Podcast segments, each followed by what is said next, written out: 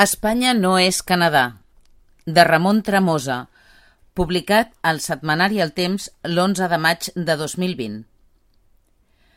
Mark Carney era president del Banc Central del Canadà durant la crisi financera de 2007.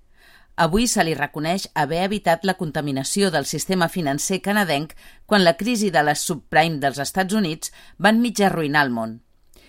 Gràcies a la qualitat del seu sistema institucional, el Canadà no va patir gaires efectes devastadors d'aquella crisi financera. El 2012, Mark Carney va esdevenir, per concurs, president del Banc Central d'Anglaterra. El 2014, poc abans del referèndum d'independència d'Escòcia, va dir sobre el seu resultat el Banc d'Anglaterra ha de garantir l'estabilitat financera del Regne Unit, Escòcia inclosa, en cas de victòria del sí, fins que concloguin les negociacions de separació. Canadà és un estat federal que va fer oficial el francès a tot el país i el primer ministre, Trudeau, el fa servir en els seus viatges oficials. El 16 de febrer de 2017, el Parlament Europeu es va aprovar el CETA, l'acord de lliure comerç entre la Unió Europea i el Canadà, va ser una gran notícia, poc després del Brexit i que Donald Trump suspengués negociar l'Associació Transatlàntica pel Comerç i la Inversió.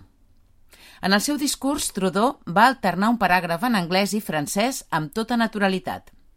Canadà i França faran com Dinamarca i Polònia, exclouran dels seus ajuts anticrisi les empreses que tinguin seus a paradisos fiscals. A Espanya, el govern més progressista de la història, ha descartat de fer-ho. Les empreses de l'IBEX 35 tenen 805 filials a paradisos fiscals. Espanya té els tractats fiscals més lesius per als països en desenvolupament, sense que l'actual govern espanyol no hi faci res.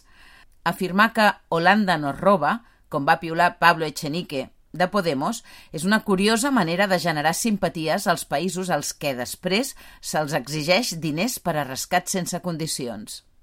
Canadà figura al maig de 2020, pel que fa als estímuls fiscals anticrisi, com un dels principals països del món en ajuts expressats en percentatge del PIB 5% injectats a la seva economia – Espanya, amb un 2%, figurava com el país més gasiu d'Europa i un dels pitjors del món en el rànquing d'UBS.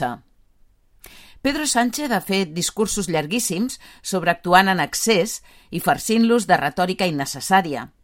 Justin Trudeau ha fet discursos serens i tranquils de pocs minuts farcits de mesures concretes. Canadà respecta l'autonomia fiscal del Quebec, Espanya ha aprofitat la crisi per recentralitzar competències i arrabassar recursos a Catalunya, com els 235 milions d'euros de fons contra l'atur fa 15 dies, a més de retenir encara avui l'IVA de 2017. Ara planeja expropiar els superàvits dels ajuntaments. El centralisme recula a tot arreu, però es reforça a Espanya. La premsa de París explica que l'Alemanya federal obté millors resultats que França contra la Covid-19 i ara Macron autoritza els ajuntaments a dirigir el desconfinament. Espanya no és Canadà. Madrid encara avui empresona líders polítics i socials catalans i en causa judicialment milers de catalans per l'1 d'octubre, a banda de premiar i donar rendes vitalícies als policies més violents en la repressió. Ottawa va permetre dos referèndums.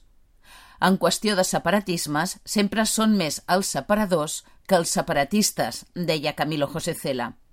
Potser aquesta sobrereacció del govern espanyol, exèrcit al carrer inclosa, vol dir que a Madrid anticipen una crisi llarga i dura i un altre augment, com va passar el 2012, del vot independentista català. Aquesta crisi exigeix mesures ràpides i eficaces i els estats que no siguin capaços de proveir-les hauran fracassat.